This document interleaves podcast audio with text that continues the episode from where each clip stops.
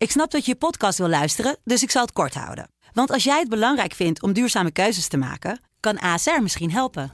Nou hoor ik je denken, hoe dan? Nou, bijvoorbeeld bij het duurzaam herstellen van schade. Of de premies die we beleggen volgens ons duurzaam beleggingsbeleid. Dat bepaalt waar we wel en juist niet in investeren.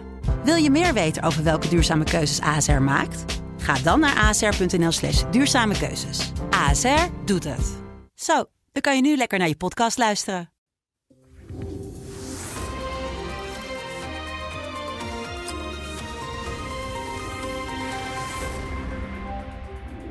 Welkom bij het gesprek met Paul Jansen, de hoofdredacteur van de Telegraaf, waarmee we elke week bespreken wat hem bezighoudt in het nieuws.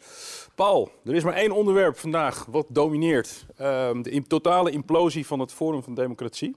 Ja, het domineert al bijna de hele week, hè? De hele week, Ongelooflijk. toeslagenaffaire, alles is eh, naar de achtergrond verdreven. Er zijn een paar politici in, in Den Haag heel blij, Lodewijk Asscher, dat het zo'n puinhoop is geworden in deze partij. Want daardoor is de aandacht, ook van de media, Ja. voor wat er in die toeslagenaffaire gebeurt, eh, toch wel behoorlijk eh, naar de achtergrond gedrongen. Ja. Ja, een artikel van eh, collega-journalisten en toen is die bal gaan rollen.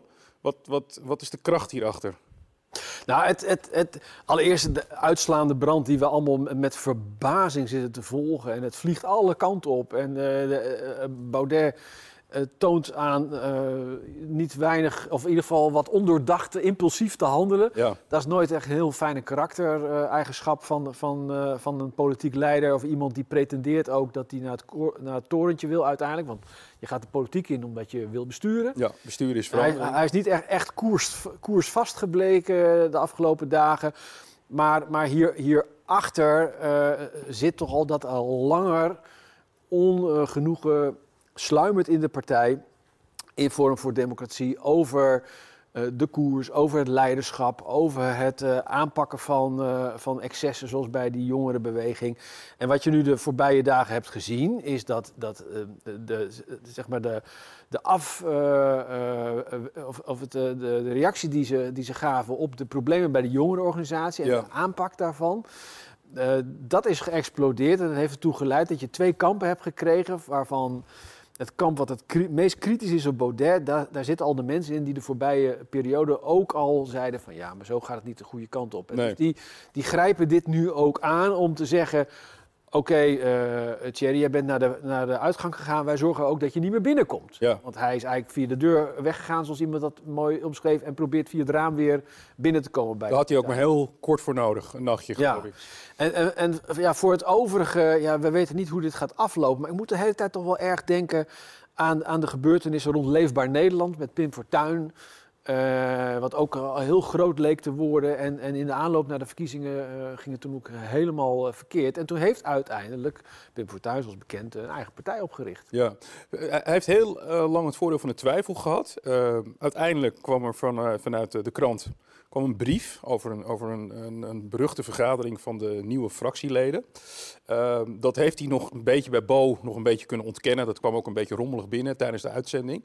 Maar eh, vanochtend bij de collega's van WNL ging het als eh, volgt. Een van de mensen die daarbij was, die heeft eigenlijk de spreekwoordelijke trekker een beetje overgehaald. Nou, ik schaar me achter het kamp van het bestuur, als we het in termen van kamp moeten bespreken. En nu eh, samen met Joost Eertmans heb ik ook de brief van Nicky bevestigd dat dit de gang van zaken is. Eh, en ik heb me al eerder in de afgelopen kwesties van het weekend ook eh, actief uitgesproken aan de kant van het bestuur. Was u dit eh, bekend dat zij zich dus al hierover heeft uitgesproken bij het bestuur? Nee. En eh, ja, ik, eh, ik vind het eh, verbazingwekkend dat iemand op deze manier. ja, ik moet even wennen aan het nieuws. Ja, allemaal emotie. Maar Paul, wat zien we hier voor man zitten? Ehm, is dit iemand die, die, die, die genoeg zelfreinigend vermogen heeft? Nou, hij, ziet- hij, hij maakt in ieder geval een indruk dat hij uitgeput is en dat hij het ook niet meer weet. Er gebeurt natuurlijk ook heel veel. En als, als jij aan de basis hebt gestaan van een partij die nog niet zo lang geleden eh, heel succesvol, de grootste... Twee jaar geleden bij de Provinciale grootste, hij had goud in handen en je ziet het voor je ogen, ook door je eigen eh, falen, hè, laten we dat niet vergeten. Maar je ziet het voor je ogen allemaal uit elkaar donderen, omdat mensen om je heen, waar, waarvan je dacht dat je daar samen mee iets aan het bouwen was, dat die Ja. eigenlijk hele andere ideeën hebben. Hè, en zoals ik net zei, dat er al langer iets sluimert. En dat heeft Baudet kennelijk niet gezien of niet willen zien of verkeerd ingeschat. Ja. Maar er, is, er is, hij, hij spreekt ook van een koep. En Ja. vanuit zijn optiek snap ik dat ook wel. En dat hij, dat, maar kijk, hij is natuurlijk wel degene geweest die zelf de eerste stap heeft gezegd door te zeggen, nou ja, ik ben weg. Ja. Eh, dan, dan voelen mensen zich ook verlaten. Die gaan dan stellingen betrekken. Ja, en als je dan een dag later zegt, nou, ik wil toch weer terugkomen, dan is het niet zo gek dat ze zeggen, ja, maar wacht eens even. Zo gaan we hier niet eh, met elkaar om. Maar dit is, dit is natuurlijk heel heftig. En zeker wat wij ook in de krant schreven, die brief eh, van, een, van een senator. Waar, waarin wordt onthuld, althans waarin zij vertelt wat er vorige week bij crisisberaad zou zijn gebeurd. En de, de, de uitlatingen die Baudet heeft gedaan, die ook weer helemaal richting complotdenkers gaat. Waar natuurlijk ook al langer, we hebben er eerder over gepubliceerd, heel veel zorgen over zijn. En waardoor ook een, een flink deel van de potentiële kiezers heeft gezegd, ja, dit, dit willen we niet, niet meer. Maar hoe, hoe, hoe kan het dat iemand die zo'n grote politieke beweging eh, begint, niet de voelsprieten heeft voor, voor, voor die extremiteiten? Is er dan helemaal niemand geweest die zegt, joh, dit is een red flag in Nederland. Dingen als antisemitisme, ja, weet je, je, je kunt heel, maar dat zijn in Nederland bijna van die, van die no-go zones. Als, je- als je dat als politicus aan begint, dan ben je weg. Ja. Blijkbaar flirt hij daar intern al heel lang mee. De jongerenbeweging flirt daarmee. Bedekt hij met een mantel der liefde. En dan komt het moment, dan, het komt een keer naar boven en dan ben je weg. Ja, nee, dat is dat problematisch wel, wel daarbij aantekenen. Dat, dat dit dus eh, ten aanzien van, van Baudet zelf beweringen zijn die gedaan worden door mensen uit zijn omgeving waar Ja. hij nu mee in onmin leeft. Hè? Eh, dat, is, dat is wel eh, een belangrijke kanttekening die je moet maken.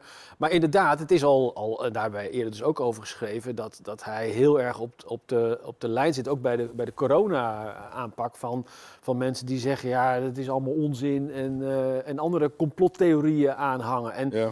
ja, daar houden kiezers niet van. Die willen toch wel een, een leider die moet, die moet inspireren en die moet de weg wijzen, maar die moet ook wel rationeel zijn. Ja. En, de vraag is nu dan hoe het verder gaat. Hè? Eh, oh, eh, dit komt niet meer goed tussen deze twee kampen. Nee. Eh, er zijn een paar hele vertrouwelingen van Baudet, die zijn dan ook opgestapt.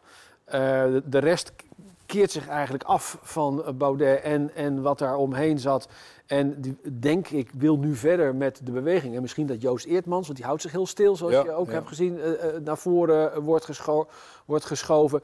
En dan is de vraag, wat gaat Baudet doen? Gaat Ja. hij net zoals Fortuyn vroeger een eigen partij oprichten? Dat kan hij doen, dan moet hij wel haast maken. Want hij moet voor, ik heb het even opgeschreven, voor, Dit- dit- 21 dit- voor dit is 21, gisteren.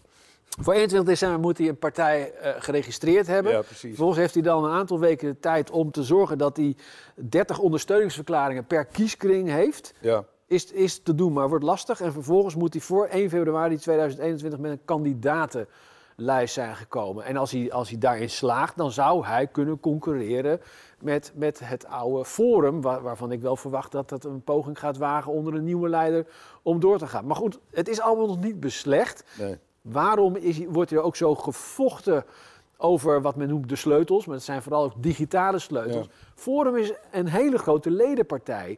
Als je eigenaar bent van de partij, ben je eigenaar van de data. En die data zijn goud waard, want daarmee kan je communiceren met al die potentiële aanhang. Dus daar wordt nu ook nog stevig over gevochten. En ja, ik ben heel benieuwd hoe het gaat aflopen. Ja, eh, tot slot. Twee jaar geleden hebben we dat eh, debat toen gehad in Amsterdam tussen Baudet en Rutte. Want Rutte had zoiets van: dit wordt mijn tegenstander de komende jaren. Ja. Ehm, ook voor, voor elke nieuwe beweging eh, eh, geldt. Uiteindelijk moet je in het torentje zitten of aan de knoppen zitten om dingen te willen veranderen.